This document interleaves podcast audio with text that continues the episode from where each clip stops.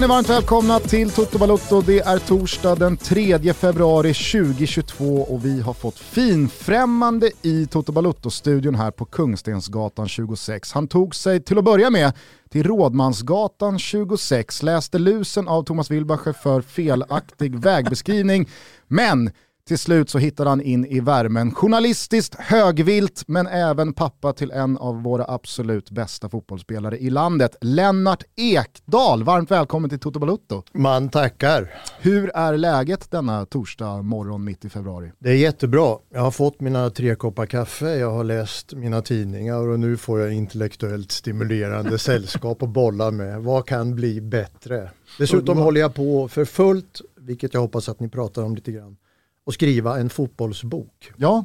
Vilket är väldigt kul. Mm. Det är ju primärt därför du sitter här bakom mikrofonen. Du skulle egentligen initialt bara inta någon slags åskådarroll här och titta på när jag och Thomas bedriver podcast som det tecken i tiden du ser oss som eh, när det kommer till fotbollsbevakning och fenomenet fotboll.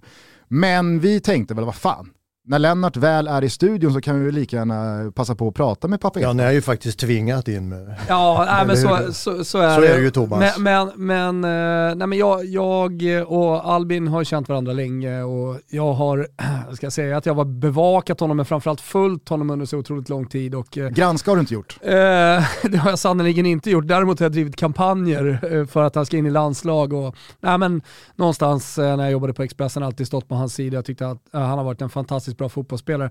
Eh, och eh, också en jävligt bra människa och en eh, människa som jag ja, men, tycker väldigt mycket om. Liksom. Så på den vägen, när, när Albin skrev till mig att du ville ha min mailadress tyckte jag att det var roligt. Han sa inte varför? Nej, han sa faktiskt inte varför. det kanske kanske, ni... Exakt, det kanske låg en granskning det kanske han inte i antågande där från Lennart på dig. Ja, du var lite skeptisk Gusten när jag kom ja, hit. Alltså, man, man, ska, man ska hålla så, så bra eh, doftsinnen borta eh, som, som dina känner jag från, från våra böcker ja, och våra verksamheter. Det var, länge, det var 25 år sedan jag var reporter. Ränderna går aldrig ur. Är det så? Ja, jag, jag, jag, jag, tror nog att du, eh, jag, jag såg någon rynka i pannan när du klev in här. Det här ska jag sätta tänder i när jag lämnar. Nej men eh, ja. Lennart, du kan väl ja. bara Thomas berätta. Thomas är mer aningslös. Ja, jag är mer aningslös. Varför ville du komma hit? Vad är det du pysslar med? Jag, gör en, eller jag skriver en bok som blir bredare och bredare för varje dag. Men, men tesen är att eh, det är alldeles uppenbart att fotboll är det viktigaste vi har. Det är det som intresserar flest människor. Det är vår största kulturella massrörelse om man så vill. Ni är ett utmärkt exempel på det. Min ursprungliga idé att alla grabbar och numera väldigt många flickor drömmer om ett liv som proffs eh, fick mig att tänka att ja, men då skriver jag en bok om hur det är att vara proffs. Och lite funderingar kring det. Jag har ju numera två söner som egendomligt nog har, har kommit att ägna sig åt, åt det här. Albin ju, är ju gammal i gården, Thomas. Mm. Det är 14 år tror jag han har varit ute, eller mm. något sånt där. Exakt. Eh, men Hjalmar är ju rätt ny som heltidsspelare och för honom har det ju gått extremt snabbt, häpnadsväckande fortsatt. Det är i kombination med mitt intresse och mina alla journalistår och ändå min förmåga att skriva tycker jag bäddar för att fan det är klart jag ska skriva en fotbollsbok. Så nu eh, gör du en bok om detta som är hur långt gången då? Så alltså är du fortfarande ah, i insamlarstadiet av Ja det är jag ju men jag har spår, eller? Är det releasefest på Brillo om ett par veckor? Nej, men eh, kanske om ett par månader. Nej, det, det beror ju på vad förlaget vill. Jag kom ju nyss med en, med en annan bok mm. eh, som heter Ekdal och livet. Som innehåller lite fotbollsbitar men, men också väldigt mycket journalistik, eh, finansmarknad, manligt umgänge. Thomas, det vore något för dig att läsa. Ja, det ska jag definitivt göra. Eh, och så vidare. Så att det, det, kan dröja till hösten. Jag har ingen aning, vi har inte kommit så långt. Men jag har skrivit en hundra sidor. Men är det åt det skönlitterära hållet eller är det Nej. faktamässigt eller hur skulle du vilja beskriva boken? Det är en kombo mellan kröniker, kåseri och skarp debatt. Jag har ju väldigt tydliga åsikter kring regelverket. Jag förfäktar ju en idé enormt tjatigt att fotbollen borde lära av handbollen. Som ju är ljuvlig. För du får så jävla mycket stryk så det är inte sant. Ingen gnäller, ingen ifrågasätter. Spelet bara flyter på. Det är underbart att se. Till skillnad från de här jävla palavrerna, ursäkta mig, ja, i fotboll. Förstår. Varenda match. Men drivs boken av någon frågeställning eller finns det någon tes som du utgår från eller vill den, vill den besvara någonting? Alltså en, en frågeställning som kunde vara rimlig och det är ju en fråga som ni bör få. Det är, är fotboll verkligen så himla viktigt? Hur försvarar man det? Mm. Hur motiverar ni att ni sitter och ser 20-30 matcher i veckan och att det är det enda ni ägnar er åt i princip? Mm. Är det vettigt Thomas? Ja, nej men det finns, ju, det finns ju olika sätt. Jag tror att olika personer skulle svara på olika sätt beroende på eh, va, eh, varför man följer fotbollen. Jag tror till exempel om man pratar med en eh, supporter som ägnar sitt liv åt eh, att eh, ja, men, göra koreografier, man mer eller mindre bor på en kortsida och i veckorna fram till match så planerar man då eh, söndagens eh, spektakel. Eh, jag tror att eh, en sån person skulle svara på det på ett sätt. Eh, alltså där, där, vet jag ju att fotbollen, eller supporterskapet då som är en kulturyttring, eller man ska kanske snarare kalla det för en, en subkultur, där blir det meningen med livet. Alltså det, det, det, kan också vara räddningen på ett liv som är på väg åt fel håll.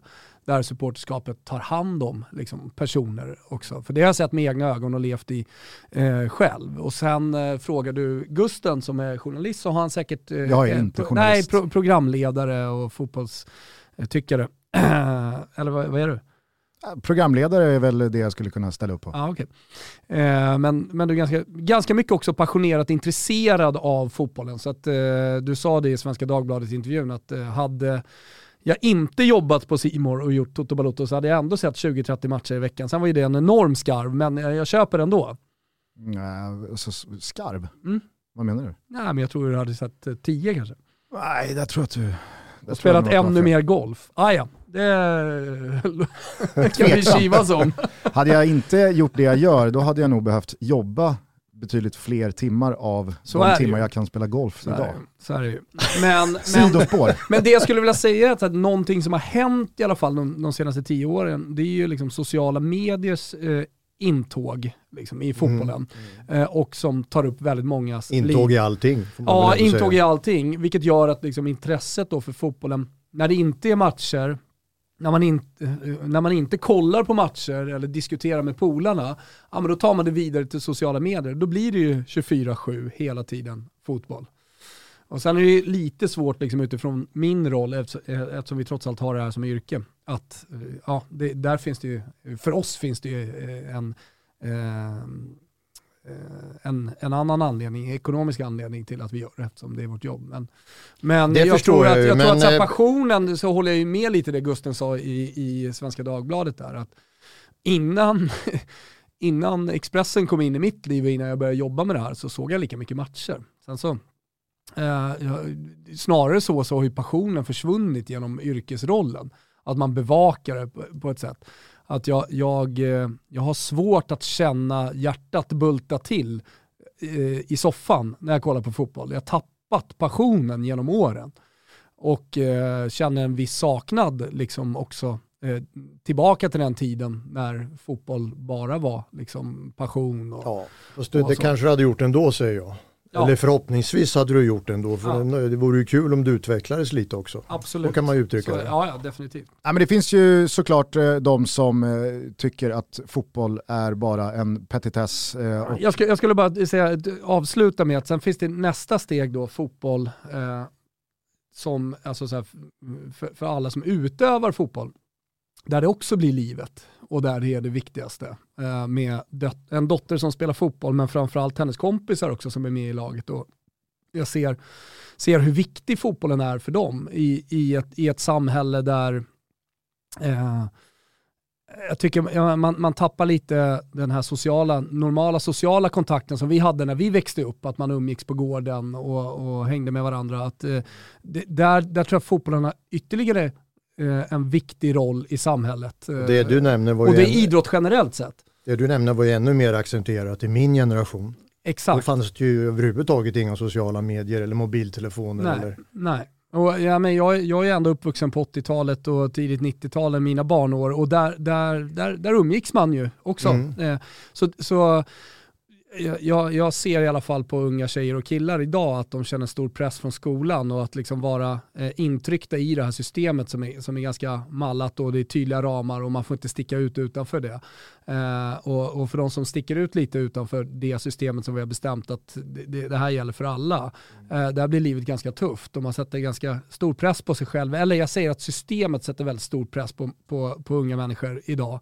Eh, och det tycker jag skapar eh, väldigt mycket eh, ja, men sånt som kan leda till psykisk ohälsa. Och vi, har ännu, vi, har, vi, vi har aldrig haft så mycket psykisk ohälsa som vi har idag. Och där ty tycker jag idrotten kommer in som ytterligare ett perspektiv då, som någon slags svar på det vi in, eh, bör, började prata om. Att, ja, men fotbollen är viktig på så många olika plan. Absolut. Mm. Ja, och alltså, det, det, är väl klart att eh, det, det, det finns oerhört eh, viktiga beståndsdelar från fotbollen i form av folkhälsa och att man lär sig sociala sammanhang och man knyter vänskapsrelationer och ja, men i mångt och mycket uppfostras kanske i, i, i en lagsport eh, mm. och att det gör väldigt mycket för barn och ungdomar och senare de som väljer att fortsätta på seniornivå. Men pratar man om fotboll som ett kulturellt fenomen så är det kanske lite äpplen och päron för där eh, går ju åsikterna isär vad som är viktigt och inte. Vissa menar ju på att fotboll bara är lek och hur fan kan man viga sitt liv åt att 22 män eller kvinnor jagar en boll på en gräsplan. Andra menar att eh, det är världens viktigaste oviktiga sak eh, och vissa går så långt som att säga att fotboll handlar inte om liv och död, det är mycket viktigare än så. Det man i alla fall kan konstatera utifrån någon typ av objektiv faktamässig eh, ståndpunkt, det är ju att det finns ju få saker, om ens någon, som så många människor runt om hela jordklotet bryr sig om mm. och som man har en relation till. Och man kan åka till vilket hörn av världen som helst och fotbollen finns där på något sätt. Men det är ju den tes som, som är grunden för, mm. för, för, boken jag, jag skriver. Och är din bok Tar den avstamp i att det är så eller finns det någonting som vill problematisera det? Eller eh, liksom, Nej, alltså förstår, det, förstår du hur jag det, menar? Du kan säga att det boken pro problematiserar det är skälet till att fotbollen är så viktig. Nämligen att världen är väldigt svårbegriplig, mm. ganska eländig, ganska mörk, svår att förstå sig på. Eh, jag gjorde ett avstamp i en sån här, du vet i dagsida eller insida, så här lite mänskliga eh, ämnen. Där rubriken var Hur finner man mening i en sjuk värld? Och det tyckte jag det var en mening som fångade väldigt mycket tillståndet idag för alla oss. Och psykologens svar var otroligt intressant. Efter tre meningar exemplifierade han med matchen Örebro-Hammarby och några individer som gick på den. Och det må, det må te sig inte särskilt viktigt men för dem just i den stunden så var det här meningen med livet och det var ett psykologsvar som jag tyckte var så intressant. Mm. Vilket ju ytterligare bekräftar den tes som, som vi ju alla bekänner oss till, nämligen att fotbollen är viktig. Mm. Psykologiskt helvete för övrigt att följa Örebro.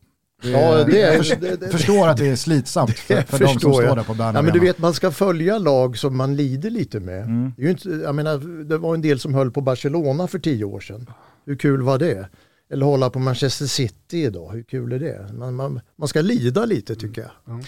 Men eh, alltså, rätta mig om jag har fel. Eh, jag tänker att väldigt mycket eh, från dina tankar och, och eh, känslor och insikter kommer från ja, men dina erfarenheter som eh, Albins värld har tagit dig till. Eh, Hjalmar får ursäkta, Stockholm eh, och Uppsala och allsvenskan är ju inte riktigt eh, den stora proffsvärlden ute i Europa och landslag och mästerskap och så vidare. Hur mycket alltså, är din bok en spegling av erfarenheterna som Albins karriär har? Ja, det är klart att det är jättemycket. Ja. Eh, ett, jag var ju väldigt, jag är en bollkille själv från barnsben. Jag är allmänt väldigt sportintresserad. Extremt. Kommer, kommer talangen från mamma eller pappa? Jag, jag, kommer att skriva att eh, jag menar, det, det, är ingen, det är ingen genöverföring i rakt nedstigande led på något sätt, men lite bollsinne har de fått. Men du var inte en knäskada från landslaget? Nej. Nej. Det, vad, vad var det vi, nu glömde jag bort vad vi... Nej men hur mycket, om. hur mycket är boken en, eh, en spegling av Jo men det är alla klart att erfarenheter det från är. Jag Albins menar, karriär? mitt, mitt intresse i grunden med, med den, eh, Talve, om vi börjar med Albin, han var ju så omedelbar. Alltså första gången han överhuvudtaget sprang med en boll på gräset så var det full gas. Och, eh, och sen fortsatte det ju så inom hela ungdomen egentligen. Så hade han två stentuffa pubertetsår. Och, och tog sig igenom, igenom dem och resten är ju som det är. Men, och det här är 20 år då som jag har skjutsat killar till turneringar. Varit på kupper. Vi, var, vi har 10 Gotia Cup i familjen. Varav Hur många fem, guld? Varav, varav fem vinster. Tre, Hur för, många, hur många? tre för Albin och två för Hjalmar. Så Men, ga- men vet du vad som hände med, Al, eh, med Hjalmar sen? Gothia Cup började bli mer och mer ointressant för att eh, ju längre, alltså sen, idag pratar man om Gothia Cup som en breddturnering. Nu åker man bara vinner en gång så har man vunnit det, de här akademilagen som, som Albin och Hjalmar spelar i. Och det där började väl med, med Hjalmar lite grann, när det började komma kupper, in, inbjudningskupper utomlands och sånt där. Ja, Hjalmar, de åkte ju jättemycket utomlands, hans lag. Mm. Vilket var skitkul. Eh, Jag menar, vi har ju varit i fem, sex länder. Mm. Men framförallt Italien ett par gånger. Mm. Det var ju väldigt häftigt till exempel eh, precis när Albin hade flyttat till Juventus så var det en pojklagsturnering i Turin.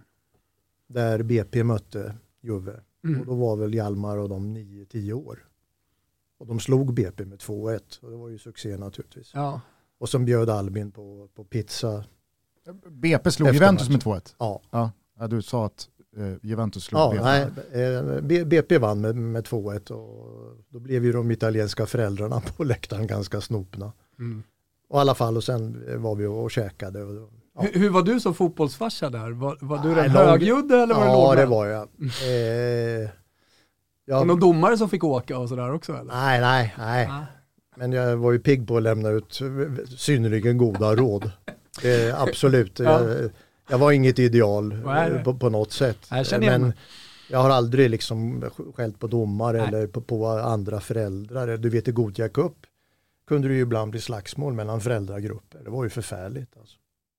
Men vi satt och pratade lite innan vi gick in i studion här och eh, jag tyckte att du, du nämnde en eh, intressant bit där med att så väldigt många som inte blev fotbollsproffs vill så här i efterhand egentligen ha blivit fotbollsproffs, även fast man fick en väldigt lyckad, eller eh, kanske inte så lyckad eh, civil karriär eh, yrkesmässigt. Eh, och att det fortfarande är liksom väldigt starkt präglat i väldigt många. Att hade man fått drömma och hade man med facit på hand ändå fått välja så hade många ändå velat bli Ja, fotbollsproffs. det, är ju häp- det är häpnadsväckande menar jag. Ja. Och det här det är ju inte vilka som helst då som jag nämnde för dig. Alltså Nej, jag, precis. jag gjorde ju reportage på extremt framgångsrika entreprenörer och familjeföretagare runt om i landet. Alla var hemma, långt hemma ekonomiskt och var hjältar i sin bygd och det, det kunde inte ha gått bättre kort sagt. Och lite på skoj då så ställde jag frågan, för de hade många en, en idrottsbakgrund. Hade du hellre blivit fotbollsproffs? Och till min stora förvåning så svarar nästan alla ja. Ja, men, och då tänker jag att din reaktion var ju inte då, ja det förstår jag, för att allt är ju verkligen guld och gröna skogar om man är fotbollsproffs. Utan din reaktion var lite snarare att, ja fast det finns också väldigt många baksidor med att eh, vara fotbollsproffs och ha varit fotbollsproffs. Och då tänker jag att din roll då som pappa till Albin och ha haft en insyn i en så liksom, ja men ändå tydlig spegling av proffslivet senaste Mm. 12-13 åren. Att du vet också vad, vad du pratar om när du säger att det är verkligen inte bara uppåt och, och, och superkul. Eh, och Det du, vet jag ju självklart. exakt. Eh, jag, har ju levt eh, nä, nä, väldigt nära Albin i, i hela hans karriär och eh, det har ju inte bara varit guld och gröna skogar som du säger. Nej. Det vet ni ju själva med, med skadebekymmer och annat. Mm. Men vad jag tror är att eh, de flesta förstår inte egentligen vilken enorm uppoffring det är. Hur låst du är. Du har ju rätt mycket fritid inom ramen för där du är. Eftersom arbetsdagen i regel är kanske, säg fyra, fem timmar. Mm. Eh, Men du kan aldrig åka någonstans. Du kan aldrig gå på polarnas 25-årskalas. Du missar bröllop, du, ja, det, det är en jäkla uppoffring helt enkelt och ett väldigt låst liv och ett schemalagt liv. Och det där märker man ju då, jag tror faktiskt Zlatan var inne på det här i Adrenalina, att det här schemat är både en förbannelse när det pågår men en jäkla saknad när man inte har det. För det infinner sig en vilsenhet mm. efter karriären och det är väl det många av dem är rädda för helt enkelt. Mm. Vad kommer att hända? Sen tänker jag också att allting hänger ihop i en symbios också med att ett enormt intresse runt om eh, i världen driver ju den här sporten också rent ekonomiskt och alla de här spelarna har ju groteskt bra betalt ja. för att göra det här också. Alltså, det finns ju anledningar till att ja, men man kanske pressar sig själv och man driver sig själv som inte bara handlar om att man tycker det är skitkul att spela fotboll. Men med det kommer ju också väldigt mycket krav utifrån. Jag, jag misstänker att du resonerar kring det där också i boken, att med 20 miljoner per år eller 50 miljoner per år eller i, i vissa fall 100 miljoner per år, ja men då, då, då kanske det också finns en rimlighet i att livet saknar en del beståndsdelar som vi andra vanliga dödliga kanske... Du menar att de är så välbetalda så att en viss uppoffring kan man nog ja, men, eh, begära? Ja, exakt. Absolut, men jag menar, jag, för det första är det ju groteskt.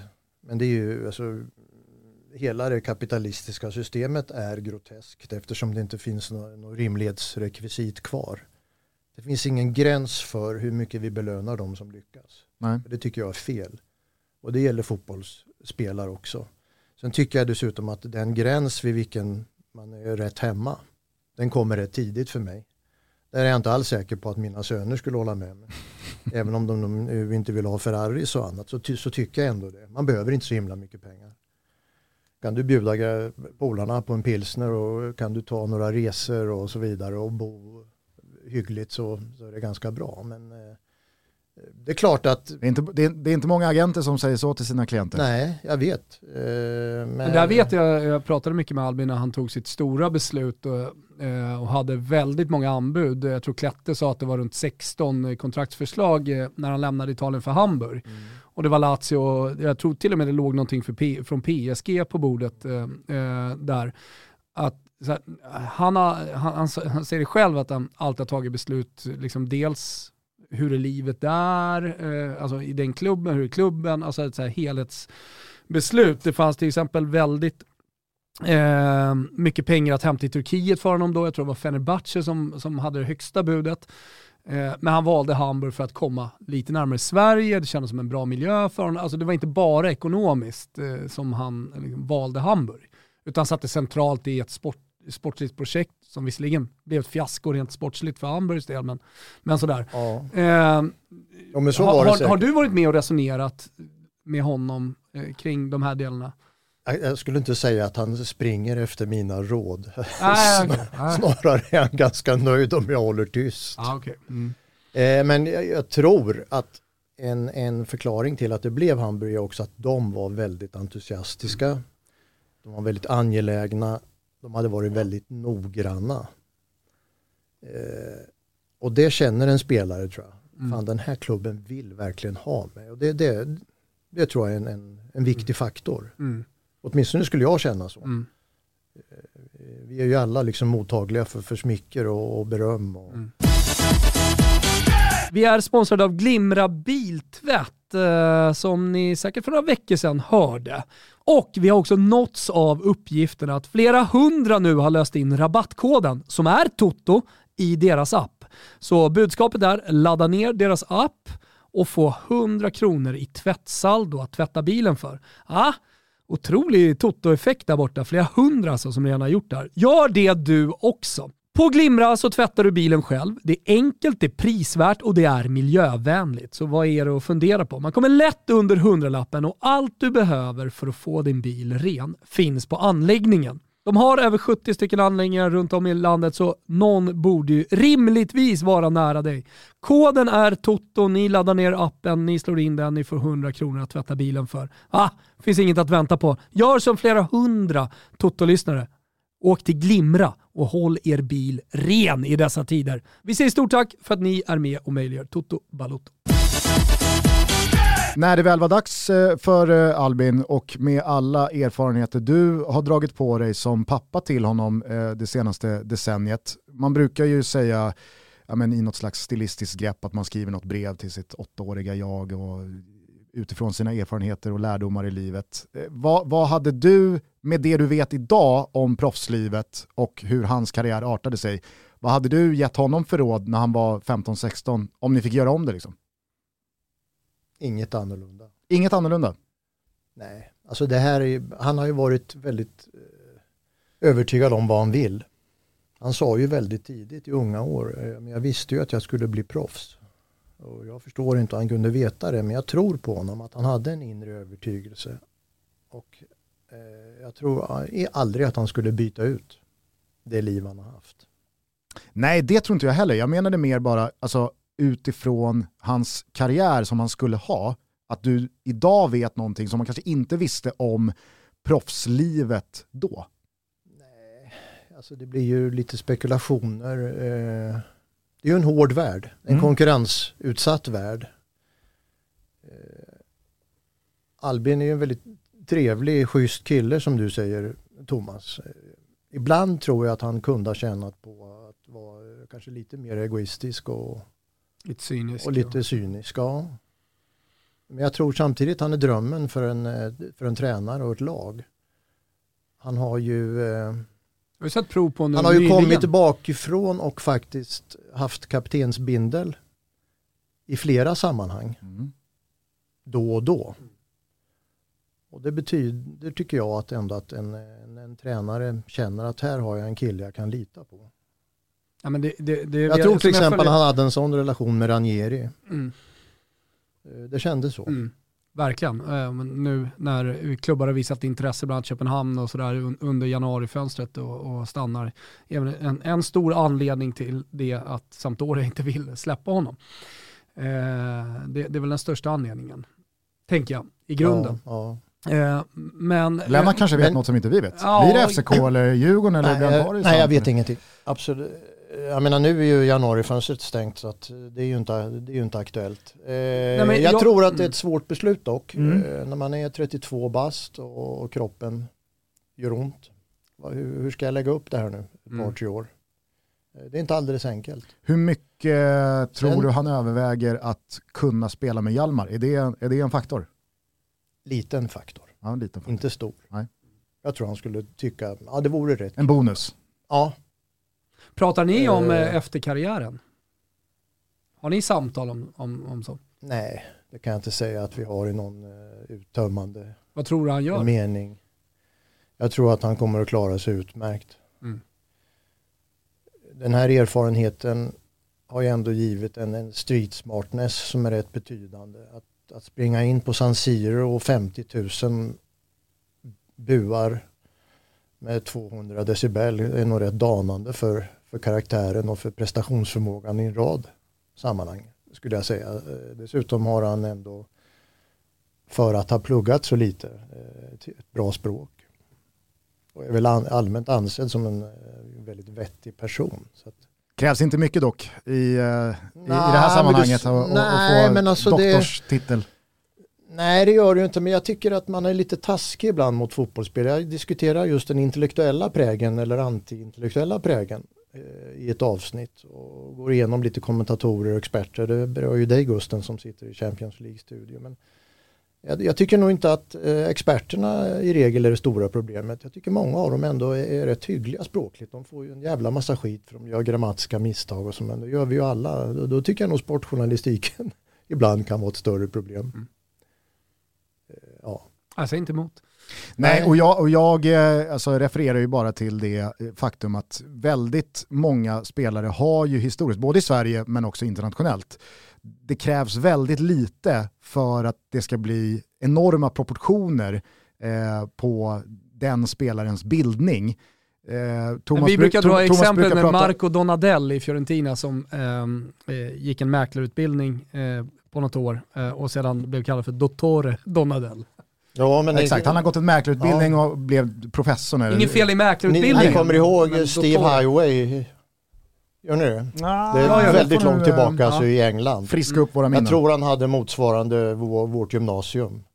Och han kallades för akademikern i hela mm. ligan. Mm. Det var och, helt unikt. Och jag brukar alltid ta exemplet på när Malmö FF var uppe på Grimsta och mötte BP och Dardan Recepi, då bara 18 bast, han gick fortfarande i gymnasiet, berättade efter att han hade gjort något lyckat inhopp och skulle kliva på bussen att ja men hur ska du fira det här? Nej men vi har uppsatsinlämning imorgon i skolan och jag måste hinna läsa klart eh, Brott och straff tror jag var, och Dostojevskij. Och sen dess så blev han liksom Ja, men, han har ju varit den stora tänkaren mm. sen dess. Det, men, det, det var ju en ovanligt smart kommentar får man ju säga. jo men han sa ju bara vad han hade för skoluppgift och att det var det han skulle läsa på, på bussen hem här nu.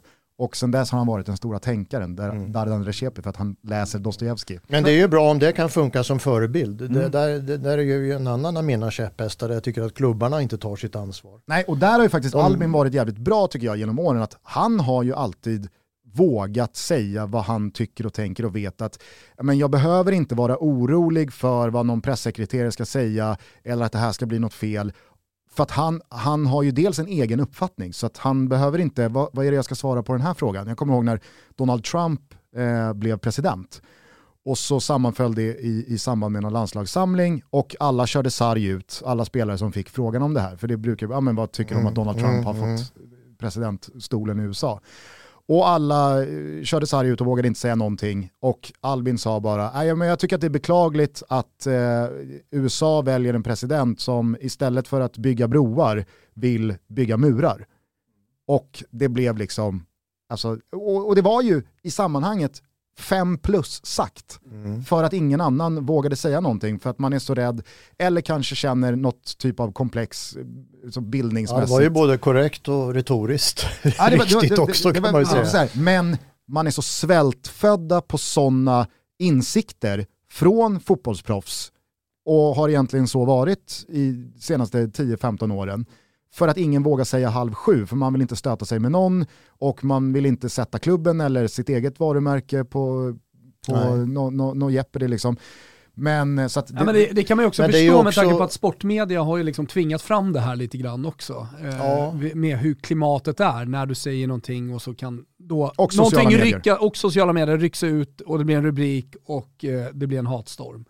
Det, det, vi har ju kommit dit Man kan å andra sidan förstå skapat. försiktigheten som många mm. spelare därför att eh, det finns ju ett enkelt faktum, nämligen att en åsikt förutsätter kunskap.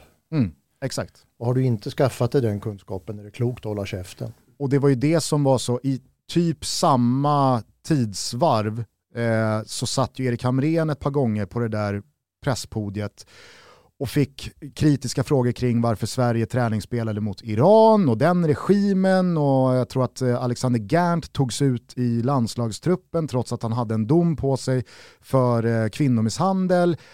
Och man kände å ena sidan empati för Hamren för att han verkligen var den som fick fronta det här. Men också så känner man, men Erik du, du kan väl bara säga vad du tycker här? Du har, du har väl en uppfattning i frågan? Då kan det väl inte bli fel. Om han hade sagt, vet ni, jag är bara förbund, alltså så här, jag tycker att det är beklagligt att Iran har den regim de har. Men nu är det så att mina chefer har sagt att vi ska spela träningslandskamp mot dem och då försöker jag vinna en fotbollsmatch på 90 minuter. Istället för den här inbäddade, osäkra, svetten börjar rinna, obekvämligheten sprider sig. Det, det här... men han kanske inte var en retorisk mästare. Nej det var han inte. Det, det, det, det kan vi väl faktiskt eh, slå fast. Men, Men jag, ja. jag har en fråga bara som jag vill sticka emellan. Eh, när eh, en annan pappa sitter här, jag som pappa då. Eh, man, man, det är så många, sam, eh, många sammanhang med fotbollen där man är stolt. Man är stolt över ja, kanske hela laget de spelar, som, som spelar bra fotboll eller ja, mycket kopplat till fotboll i alla fall, känner stolthet. Gör man det genom hela karriären? Känner du fortfarande stolthet för Albin, eh, ja, Hjalmar för den delen, men han, nu är han, har han precis kommit upp och blivit proffs. Ja, men, men ni får inte förringa Hjalmar. Nej det menar, får vi verkligen det- inte göra men jag tänker att frågan är mer... Han gick ju från noll till att bli allsvenskans bästa back. Exakt, jag menar, men det jag är tänker- rätt häpnadsväckande. Ja det är det verkligen. Men jag tänker Dessutom att är frågan ett är mer föredöme i det vi pratar om när det gäller studier och det här. Exakt. Han det vi pluggar ko- ju vid sidan om. Exakt, vi, vi kan komma dit, men jag tänker mer, jag tycker frågan blir mer intressant, eh, eller ja, för mig i alla fall så blir svaret mer intressant eftersom eh, Albins karriär har varit så lång, Ja. eh, så blir du fortfarande stolt när, över honom när du kollar på tv eller är på plats och sådär, eller för, liksom fejdar den ut den där stoltheten, blir man van att ja, men han spelar i ja, det landslaget. är klart man blir van på någon mening men jag menar om jag sitter på Friends eh, och eh, de, precis när de kommer in i samband med en landskamp så känner jag alltid samma stolthet över det. Men framförallt jag är ju stolt över att jag tycker att det är en väldigt bra person. Tycker också, Det är ska, jag jätteglad för. Mm. Tycker också vi kan slå ett slag för Joel, storebrorsan. Du jobbar väl med honom? Nej, eh, inte, inte direkt, men eh, uppskattad eh, arbetskollega i eh, tv-branschen. Som är minst lika teknisk som småbröderna. Mhm. Fotbollsmässigt? Överhuvudtaget. Aha, okay. Håll. Han var svinbra i innebandy. Mm. Hade lätt spelat i elitserien om, om de hade fått lite mer än två tuggummi och 2000 spänn i månaden. Men det gick liksom inte att spela. Nej, jag förstår. Men lite aktuellare då, du pratar om Hjalmar och Albin som hade en övertygelse eh, som du pratar om inom sig att jag kommer bli fotbollsproffs som du trodde på. Eh, den övertygelsen uppfattade du som var inte lika stark, eller det var inte lika självklart hörde jag dig säga också till Malou Nej. här i efter tio att eh, Hjalmar skulle bli fotbollsproffs, utan där fanns studier och en annan liksom, riktning i livet att ta. Han gjorde ju en smart grej tycker jag. Eh, Delvis med hjälp av oss naturligtvis. Men han åkte till USA ett år på fotbollsstipendium. Och då låg han ju så att säga i en vågskål där det både var fotboll och plugg. Det som hände i USA var att det gick svinbra fotbollsmässigt. Han blev rookie of the year. Han blev till och med uttagen i national team några veckor, alltså i hela USA. Och då kom han väl på att fan, det kanske är det här jag ska ägna mig åt trots allt. Så att Mm. där föddes det en beslutsamhet och ett driv, skulle jag nog säga, som gjorde att när han kom hem så tog han upp det här på heltid. Han spelade ju i Superettan då först i, i Frej. Eh, Björknesjö hade gått över från, från BP till Mm. Frej. Eh, Och BP tackade ju nej då. Mm.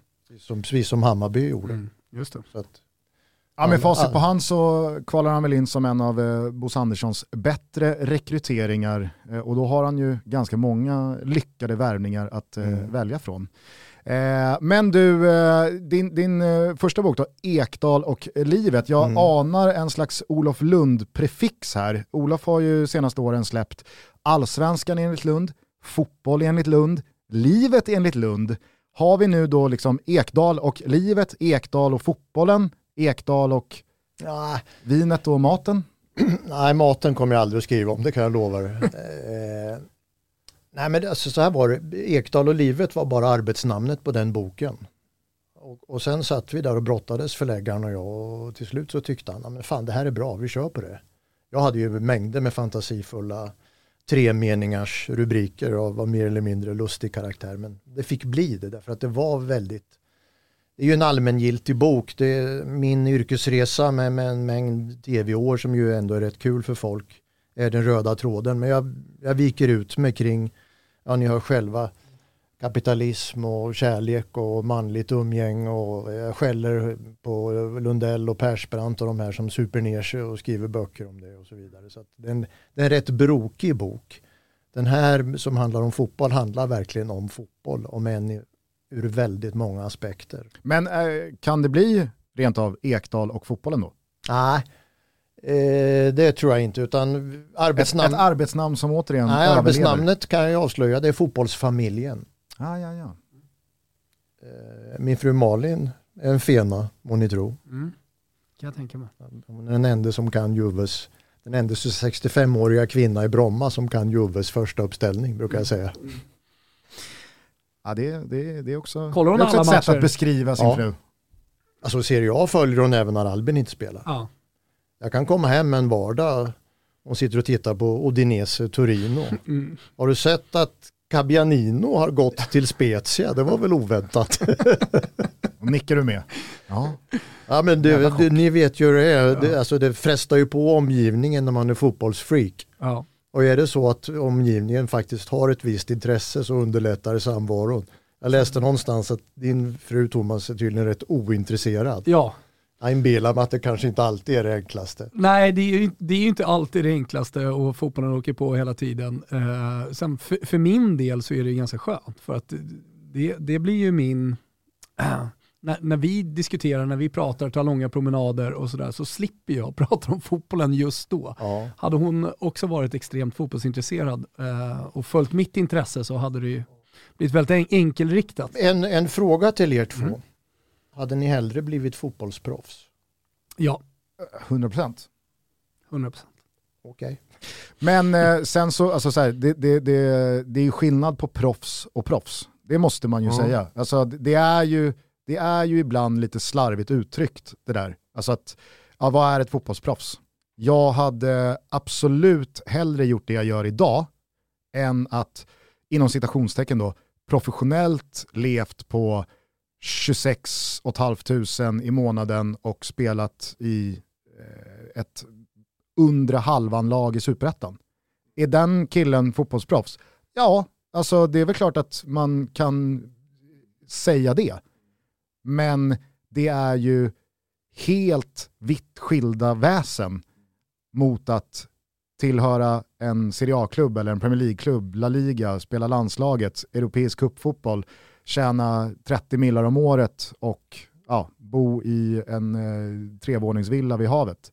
Det är klart att det är helt olika saker, men båda går under samlingsnamnet fotbollsproffs. Men du vet ju i allmänhet vad man associerar till, alltså fotbollsproffs, ett, ett framgångsrikt fotbollsliv ja. kan man väl jämställa det ja. med. Nej, definitivt. I någon mening. Ja. Nej, men, eh, om, om, eh, om Albin är exemplet, då hade jag tagit det utan att tveka. Definitivt. Så är det. Hur mycket mm. fotboll ser du idag? Ja, nu är det ju svårt eftersom det är pandemi och ja. paus. Ja, men jag tänker på tv och så. Nej, det är inte svårt Lennart. Nej, vad ser jag? Det är bara jag ska välja, säg fem matcher i veckan. Ja. Jag ser ju grabbarna, det är två matcher. Mm. Sen ser jag nog tre, fyra till. Mm. Nå någonstans där. Mm. Mina kompisar tycker att jag tittar för mycket på fotboll. Mm. Och det, det, är väl ett omdöme så gott som något. Mm. Ja. Men du, eh, fan vad kul att du kom hit och eh, stort lycka till med färdigställandet mm. av eh, boken och projektet. Ja. Får vi se om det blir fotbollsfamiljen då eller ja, Ekdal och fotbollen? Eller? Ja, nå någonstans där. Men, ja. Ja. ja, kul att se er. Hörni, vi är sponsrade av eh, Betsson och ni glömmer inte bort att vi inför varje helg har en trippel. Äh, men ibland eh, tycker jag att man eh, kan påminna om det. Vi kanske har några nya lyssnare som inte har hängt med. Man går in på Betsson.com, har man inte konto skaffar man såklart ett konto och eh, sen hittar man våra Toto-tripplar under godbitar boostade odds. Eh, I helgen så har vi valt Inter rak seger mot Milan derbyt, ingen Zlatan och eh, ett Milan som har problem med mittlåset. Visserligen då spelare på väg tillbaka, typ Tomori, men det känns väldigt mycket Inter som gör väldigt mycket rätt just nu. Sen eh, tror vi på mål i Florens. Eh, Fiorentina möter Lazio som eh, är framtunga. Fiorentina också framtunga. Eh, här kommer det smälla tror vi bara. Eh, över 2,5 mål i den matchen och sen över 3,5 mål i Bayern mot Leipzig. Vilken match! Leipzig lite nytändning va. Det här är comebackmatchen efter eh, att ha haft ett långt uppehåll eh, borta i Tyskland. Eh, så här tror vi att det är mycket energi och tysk gegenpressing och eh, energifotboll. Över 3,5 i Bayern Leipzig, över 2,5 i Fio Lazio också inte rakt där i helgens trippel. Nu ska den sitta hörni.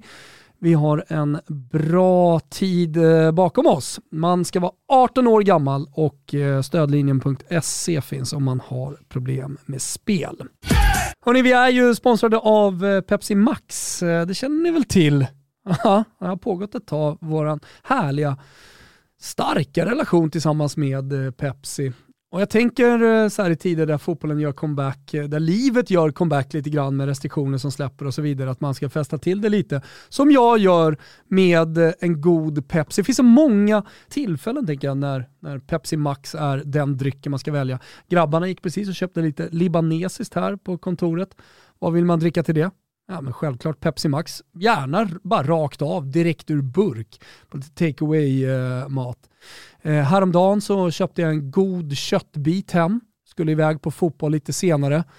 Ja, hällde upp ett glas med lite citron i. Passar ju faktiskt bra ihop till köttet. Ni vet man gör ju det nere i Medelhavet. Man grillar på en citron och så pressar man på köttet lite. Inga, inga såser och grejer. Därför då till kött, Pepsi Max, lite citron i. Mm, det kan vara ett tips här eh, en eh, kall vinterdag. Säg stort tack, som alltid, till Pepsi Max. Okej, då ska vi försöka få in lite eh, dagsaktuell eh, fotboll också i eh, detta avsnitt. Mm. Lennart sitter med oss fortsatt i studion, tyst Underbart. som en mus på åskådarplats. Man känner lite liksom pulsen då. Ja, ja, Man vill inte göra bort sig här. Nej, grammatiskt vill man ligga rätt här. Men eh, vi, eh, vi ska försöka byta riktning ja. på samtalet och eh, avsnittet då, och fokusera på eh, det, det, det dagsfärska fotbollsmässiga. Eh, transferfönstret stängde ju eh, i de stora ligorna i måndags kväll. Vi var ju på en hel del av övergångarna som var på gång i måndags. Många av dem gick i lås. Mest spektakulär var ju ändå Pierre-Emerick Aubameyang som ja, som man förstod det eh, initialt då, tog sig till Barcelona självmant för att göra någon slags eh, Peter Odenvinge när han skulle lämna West Bromwich för um, Och fem, sex år sedan. Exakt. Han tog sig till Barcelona för att eh, ja, men, få saker och ting att hända. Eh, och det lyckades han ju med. Arsenal rev kontraktet, han var således eh, kontraktslös och kunde eh, få till övergången dagen efter i tisdags. Mm. Om jag har förstått det rätt så är det typ någon slags minimilön eh, säsongen ut och sen ett ganska välbetalt eh, år 22-23 Mm. Men med tanke på att Aubameyang ansluter, eh, Adama Traoré ansluter, Ferran Torres är på plats sedan tidigare så får man ju säga att Barcelona... Helt ny anfallslinje. Ja, alltså där finns också redan eh, Memphis Depay, Luke de Jong är ju vad han är, men han har ju faktiskt gjort en hel del viktiga mål och är ju en spelartyp som är en pusselbit, väl användbar i ett lag som dels ska spela Europa League-slutspel men också jaga Champions League-spel i, Vilket också är sanslöst att Barcelona ska in i Europa League. Mot Napoli. Ja. Det, det, det, det känns Kan mycket väl ryka också mot Na Napoli. Så är det. Eh, nej men eh, Ansu Fati eh, ska väl tillbaka här från eh, nästa skada också och helt plötsligt så börjar man ju titta på Barcelonas offensiv och tänka ja du, den här är inte så jävla dum. Dessutom så blev ju Ousmane Dembélé kvar.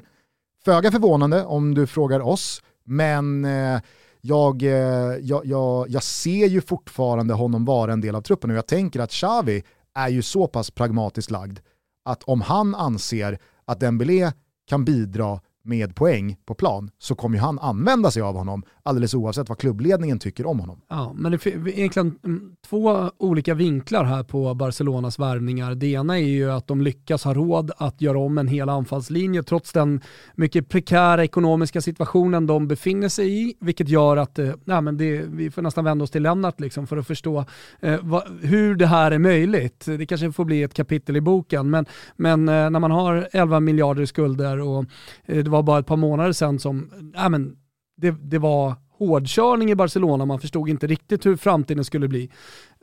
Så står man här efter ett januarifönster där man värvat mycket. Eh, det gör i alla fall, eller det får mig att fundera lite kring eh, toppfotbollen. Eh, och det andra är ju att det blir lite tjockt där framme. Hur ska han formera sin elva när han möter Napoli? Eh, jag, jag, förstår ju att han vill ha in eh, liksom, nya spelare för han är inte nöjd med det som finns. Men nu, nu har man väldigt många alternativ framåt, egentligen två spelare på alla positioner. Mm. Och eh, det kan ju också skapa lite problem. Så det, det, är inte självklart, även om det ser bättre ut på pappret, att Barcelona ska göra en bra vår här. Utan det blir ju angenäma problem, men, men det, det, blir ju en truppsituation eh, att hantera för Xavi som han inte har varit med om tidigare.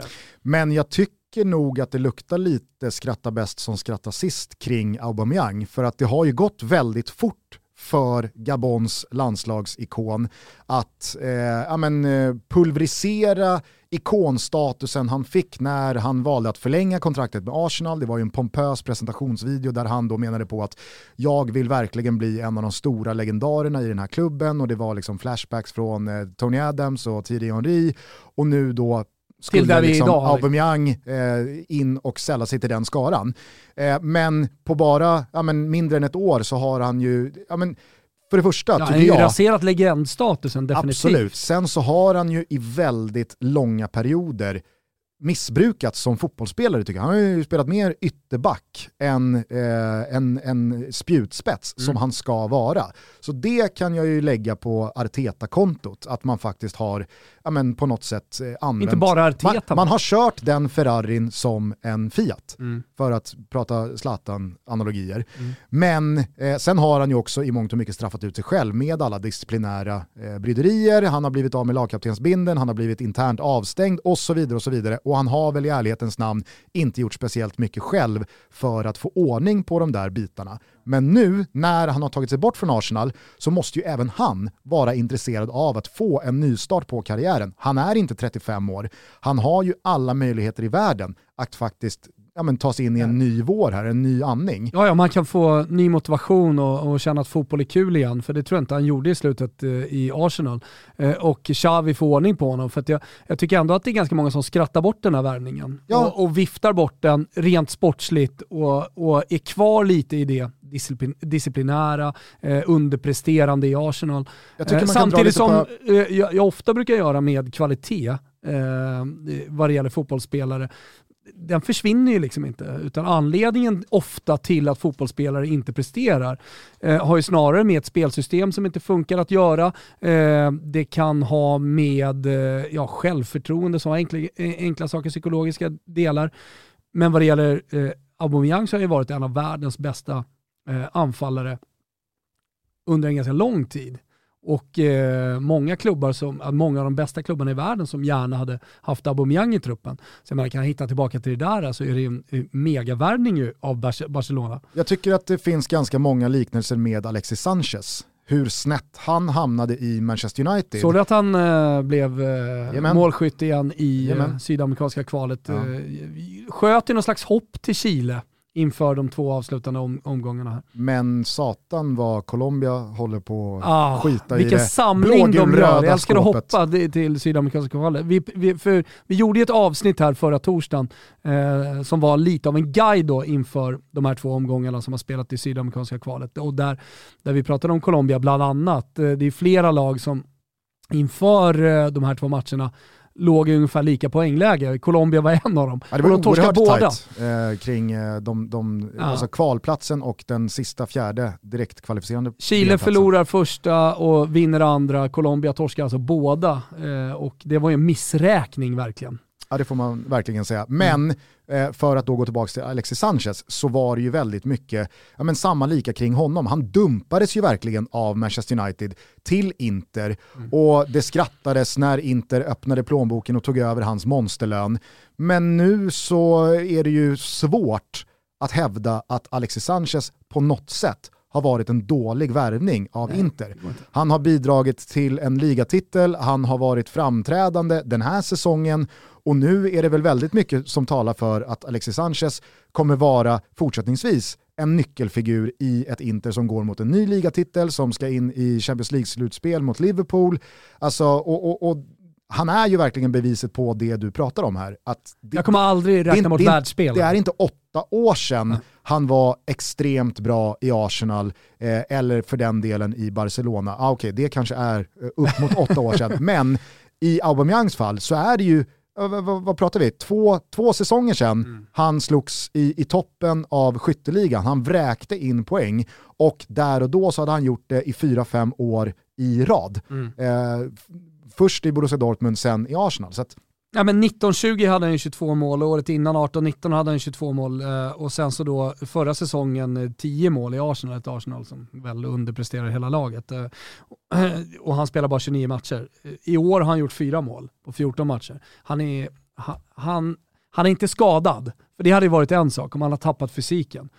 Utan det, det är en spelare för, för Xavi att upptäcka och att, att på något sätt också förädla och hitta tillbaka till sig själv. Nej, och jag tror att det enda som är emot att Aubameyang faktiskt tystar tvivlarna och får de som garvar åt honom att sätta skrattet i halsen, det är ju om han själv inte är motiverad. Men det ser jag lite som ganska liksom, lågriskabelt ja. i och med att han själv har pushat för den här också flykten. att ledarskapet där från Xavi. Ja, men han har gått ner i han måste ju själv känna, alltså, varför, är, varför är jag här? Jo, mm. det är för att få någon typ av upprättelse. Ja. Och, och, och, det är jag helt övertygad om att han förmodligen kommer få. Annars mm. hade inte Barcelona tagit in honom Nej. om de hade tänkt att sätta honom i, i, i boxen. Det var spektakulärt, eh, också att Kulusevski till slut också presenterades eh, för, eh, eh, ja, för den engelska publiken eh, hos Spurs. Mm.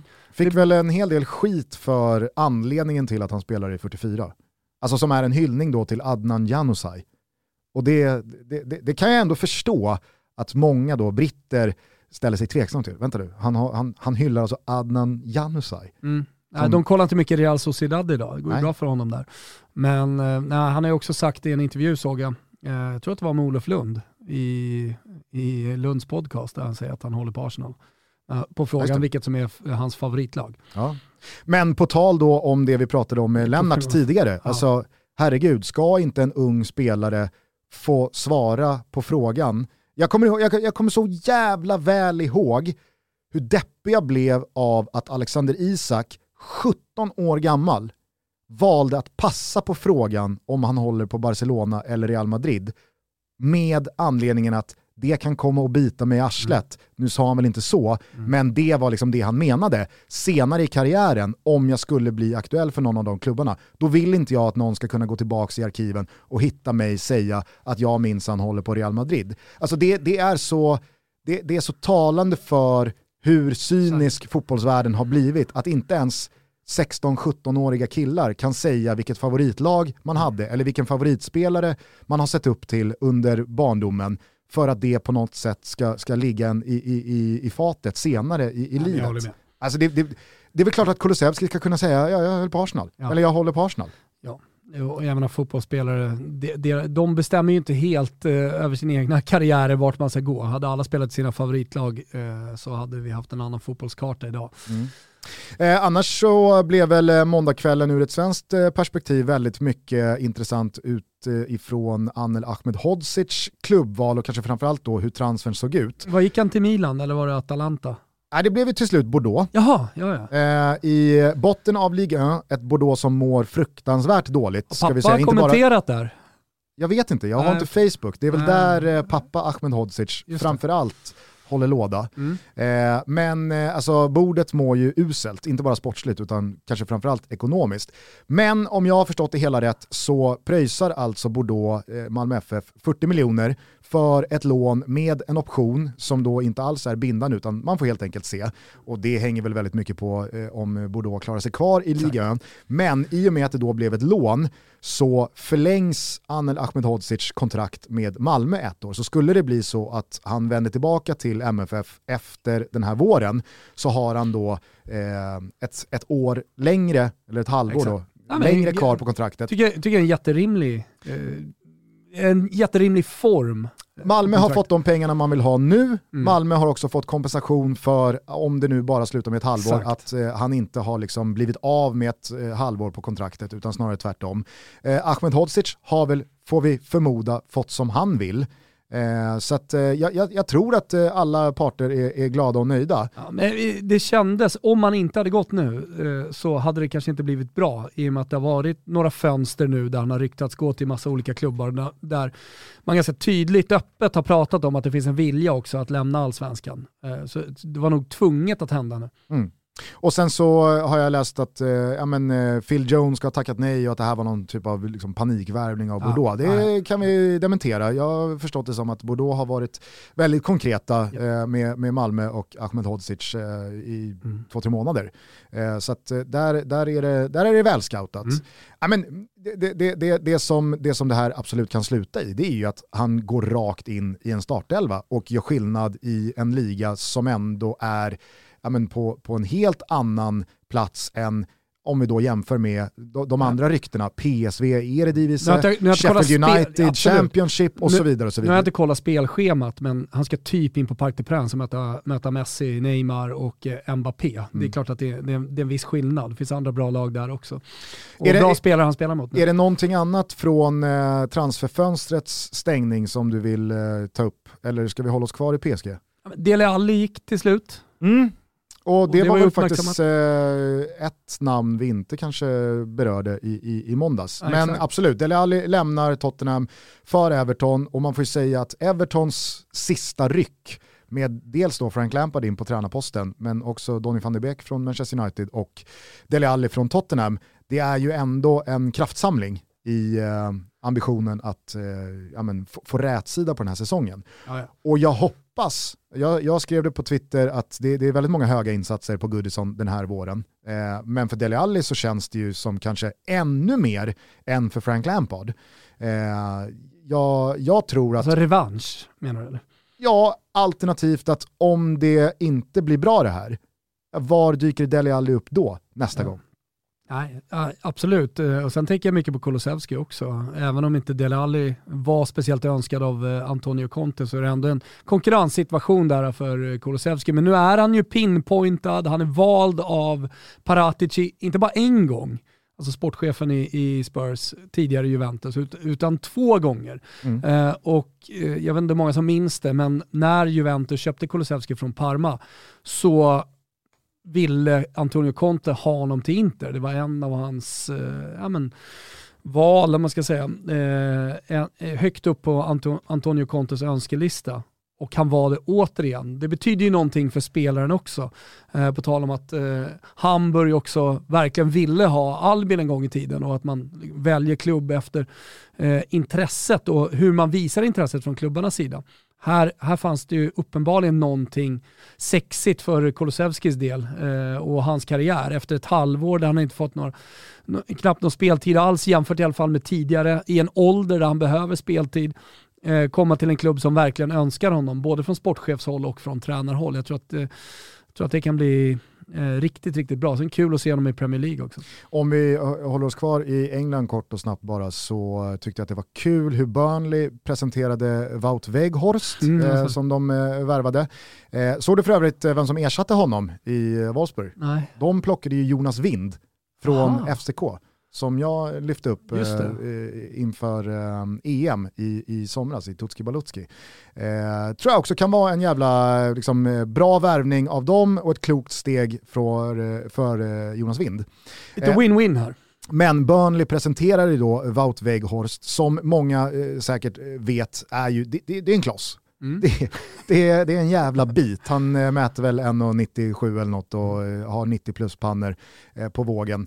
de presenterade honom då som en dinosaurie så hade de då klippt ihop från Jurassic Park att han då är dinosaurien som får vattenglaset att vibrera. Mm. det, det, var, det, var, det var roligt. Fyndigt. Och sen så tyckte jag det var kul att Jermaine Defoe, still going strong, återvände till Sunderland och eh, Såg att du själv. tyckte att det var kul. Ja, men han, han skrev ju då, jag sa ju att jag skulle komma tillbaks, när han då lämnade ett Sunderland som ja, men har levt i misär senaste fem åren, Sunderland till I die och så vidare. De åkte ur Premier League, de åkte ur The Championship, de harvar på i League One, men nu så sluter han cirkeln och kommer tillbaks 40 år gammal. Det, det tyckte jag ändå var, mm. liksom, det, har det var fint. Mm. Det var fint. Eh, men eh, PSG då, eh, de åkte ur Franska kuppen ja. i, i veckan. Eh, Pochettino brände i och med det den fjärde titeln tror jag, mm. av sex möjliga sen han anslöt. Och det är ju, ja, men det, det, går ju inte. Det är anmärkningsvärt att han inte får fart på det heller, för han har ju trots allt materialet eh, på sin sida så att säga och nu har ju klubben, vad det verkar i alla fall, tröttnat. Det har man nog gjort tidigare också, men jag såg något citat från Leonardo där, att det finns helt enkelt inga alternativ och det är anledningen till att man inte sparkar honom. Och det kanske man gör rätt i. Eh, men Samtidigt som man då mer och mer konkret eh, pratar om att Pochettino är klar för United. Mm, men det var också sorgligt att eh, det var någon som skrev att Messi hade tian på sig och förmodligen för sista, det skulle kunna vara sista gången som Leo Messi spelar i nummer 10. Och det var i en fransk kuppmatch där man faktiskt åker ur. För att han var tvungen att ha 10. För han var tvungen att ha 10 för den franska kuppen som man bestämt så att eh, man ska ha 1-11. Mm. Mm. Det, var ju som Serie C gjorde när eh, Kalle Corneliusson var där. och det, det, var ju anledningen till att han hade 10 inte för att han förtjänade den så att säga. Om man... Eller?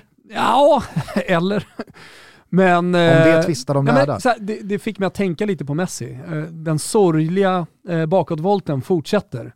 Och det finns ju ingenting som tyder på att den här säsongen kommer bli positiv för honom rent sportsligt. Och vad händer sen? Så har vi sett det sista av Messi och jag tycker alltid det är tråkigt när man ser de, de största gå mot ett, ett, ett fotbollsslut. Samtidigt så tror jag ändå att världsmästerskapen i slutet av året kommer fungera som en garant för Leo Messi att hålla sig så nära toppformen jo, han bara kan. Men vad är det för Leo Messi vi ser då? Ja, nej, alltså, så här, det, det, det, finns ingen det glädje. Nej, men jag tror att han är högmotiverad att vara i så bara bra slag han kan vara eh, när oktober blir november jo, senare i år. Fysiskt kommer han ju vara det, men hur kommer han vara mentalt? Jo, det är klart att han kommer att kunna motivera sig när han kommer till en argentinsk landslagssamling inför ett VM, men ändå.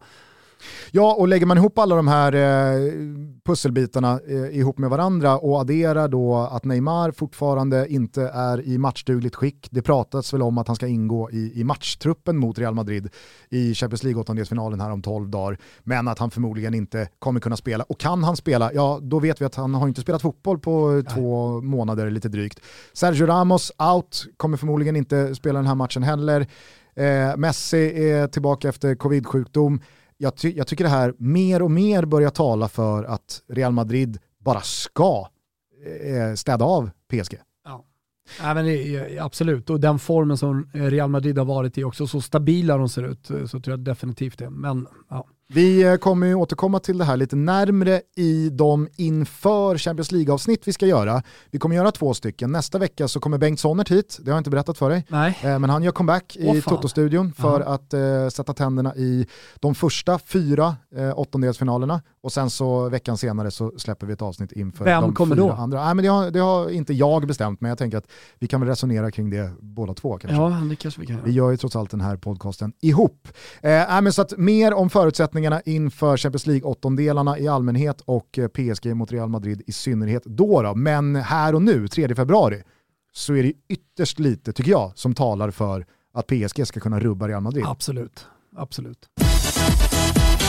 Jag vet inte hur mycket du har följt eh, våra gubbar som vi dubbade för några veckor sedan. Sorga. Erik Sorga i Göteborg och eh, Haris Avdio i eh, Värnamo. Mm, Avdio har jag inte sett. Avdio gjorde ju mål efter eh, 12 minuter tror jag i Värnamos första träningsmatch. Där var du rätt på det. Erik Sorga däremot, eh, Göteborgs estniska eh, TikTok-landslagsanfallare, eh, han, hade, han hade en lite jobbigare start på matchandet i Blåvitt när han framspelad av Marcus Berg missar mål från, öppet mål ska vi säga, från två meter.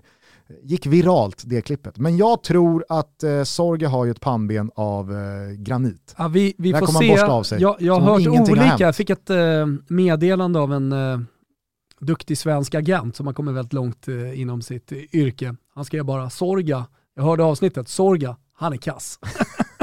Så han var väldigt tydlig, vi får se.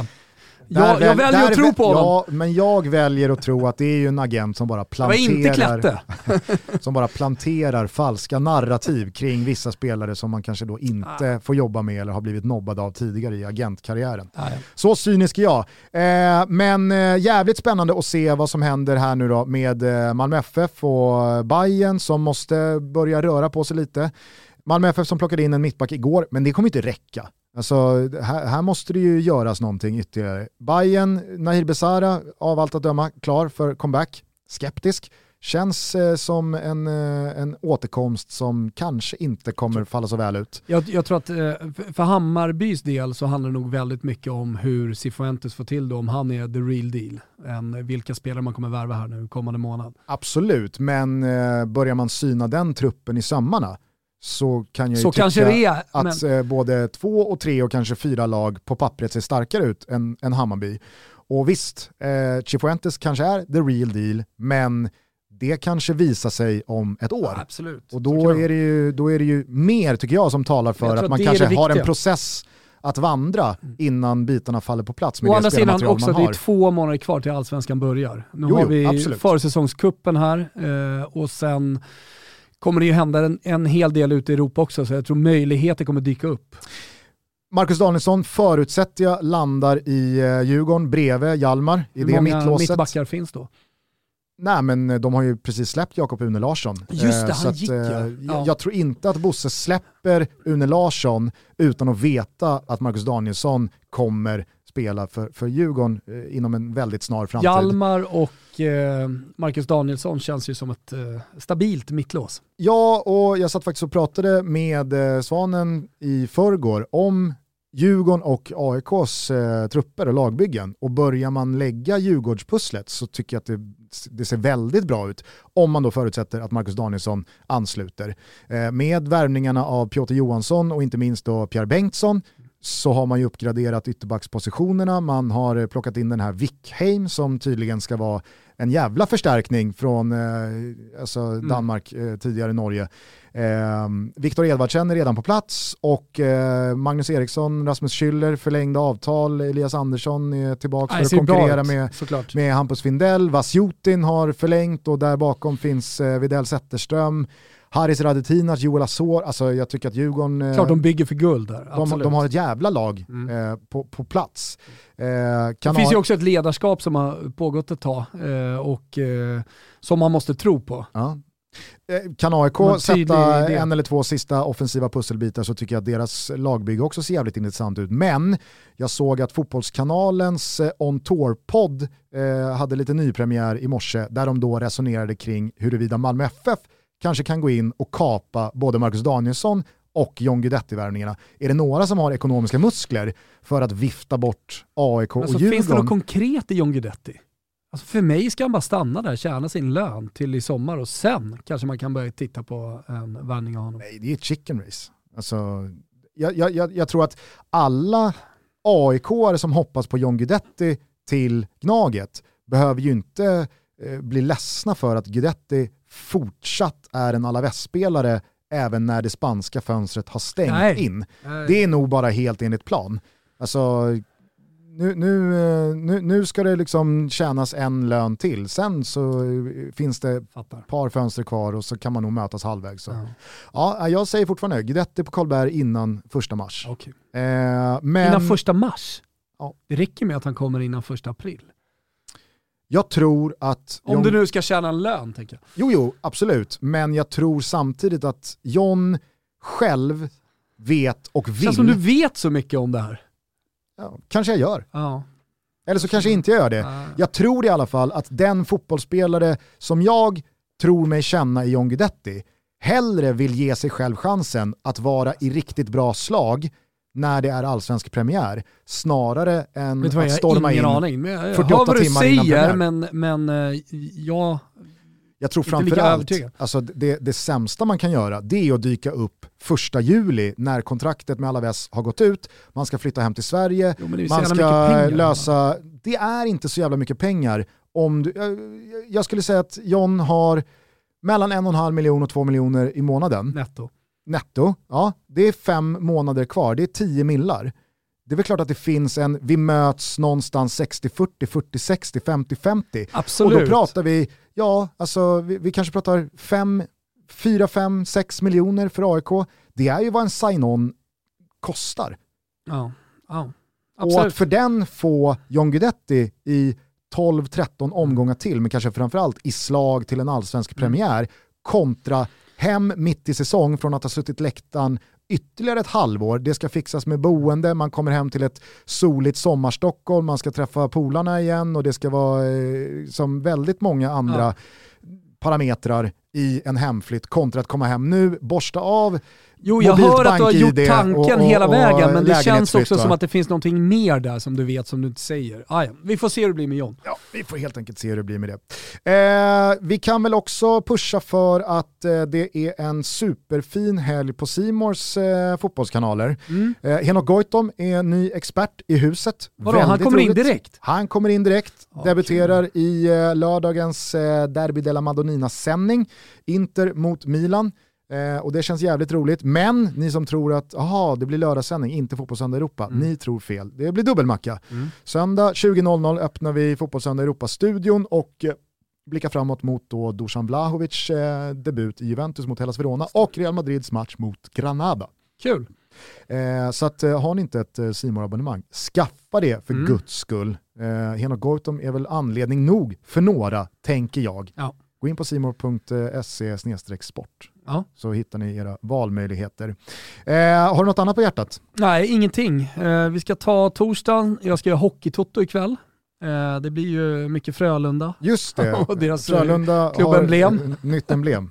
Ja, jag såg att Martin Åslund var ute. Alltså det här, I och med att vi pratar om hockey nu i, i Toto Balutto, Ja. så har även Martin Åslund varit ute och, och svingat lite mot det där klubbemblemet eh, som eh, verkar ha blivit ett eh, praktfiasko. Jag kan ingenting om klubbemblem. Men du har Så väl jag sett säger ingenting, förutom att jag inte förstod någon gång varför Frölunda eh, hade en indian tidigare och varför folk var upprörda över att eh, de, de tog bort den. För det, det, är, väl, det är väl högst eh, orimligt att, eh, att Frölunda som inte har någonting med den amerikanska ursprungsbefolkningen att göra har en eh, indian på sin tröja. Men det var väl snarare ett resultat av att svensk hockey för, vad kan det varit, 20-25 år sedan Jo, men, skulle jo, liksom men det, gå det åt finns ingen symbolik. Nej, jag säger bara att då blev Som det är relevant. Dju- Djurgården Lions och Luleå Bears och Jo men sen Frölunda släppte alla Indians. det och ingen brydde sig. Alla men Frölunda, de höll ju, höll ju kvar indianen med, Ja. med näbbar och klor. Ah, Malmö, eh,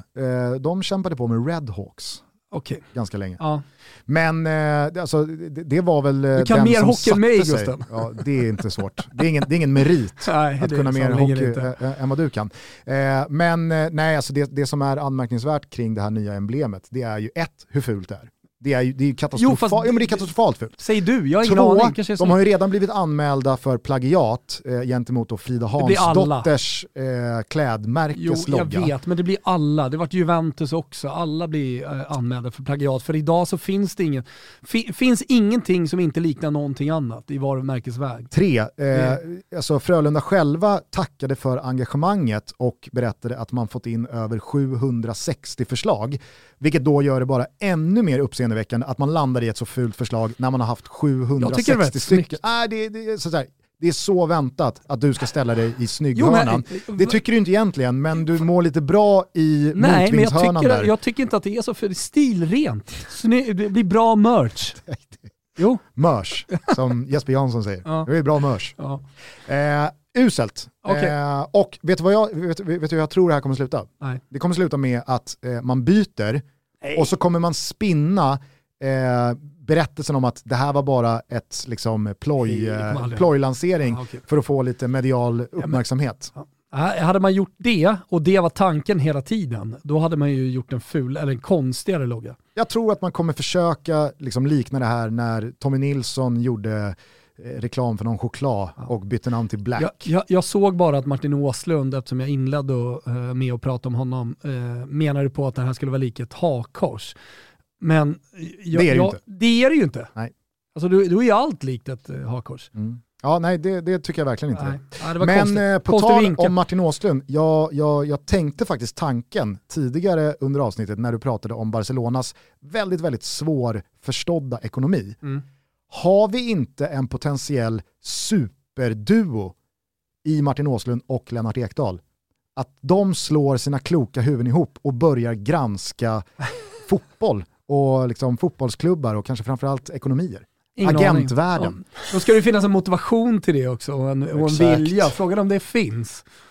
Jag tror att det finns en kemi till att börja med mellan det Martin och tror jag, de Lennart. bor ju Du menar att nära jag är, varandra jag är alldeles för fritidsfixerad numera? Ah, jag tänker att eh, kanske det. Ja, Mm. det ligger något i. Ja, det ligger något i det. Och Martin Åslund har ju också en tendens att liksom gå mot fritiden mer än att arbeta. Men när du bara smakar på idén så här på volley, hur låter det att teama upp med Martin Åslund? För att, Äh, för att eh, granska eh, fotbollsförehavanden och eh, fotbollsekonomier, eh, ekonomier, pampar. du vet, det är svårt eh, för mig med, med Albin och Hjalmar. Mm. Mm. Eh, Jag fick frågan för många år sedan om jag ville gå in i BP's styrelse. Mm.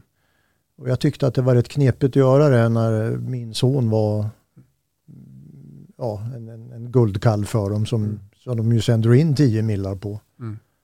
Eh, samma svar här egentligen. Alltså det, eh, jag tror inte att jag ska gå allt för djupt in i fotbollsvärlden om jag ska hålla mina söner på gott humör. Vi kan väl börja med boken och så får vi se vart det går. Exakt. Ja.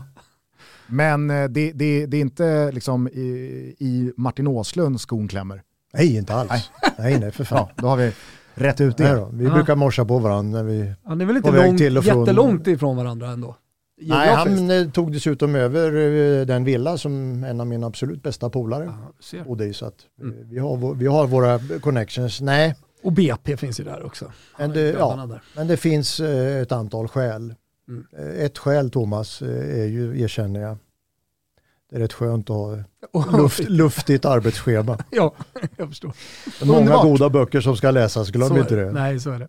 Hörni, det ska bli otroligt eh, härligt med en fullmatad fotbollshelg igen. Australian Open-final och Prix d'Amérique och handbolls-EM-final i all ära. Nu får det vara nog. Ja. Nu ska vi förlora oss i den europeiska cupfotbollen igen och återigen var gärna med oss eh, på Simor lördag och söndag kanske framförallt då lördag när det är Inter mot Milan. Vi hoppas väl att Zlatan kommer till spel, men väldigt mycket talar väl för att den där Achilles hälsenan eh, och eh, San Siros bedrövliga gräsmatta, som jag läste skulle målas grön där den är som sämst. Ja men det har gjorts förut också. Eh, eventuellt då håller honom utanför de kritade ja, linjerna. De, de, senaste uppgifterna från eh, Milano är ju att han är kvar i gymmet, så mm. att han är inte ens ute på fotbollsplanen och eh, det är bara några dagar kvar till, till derbyt.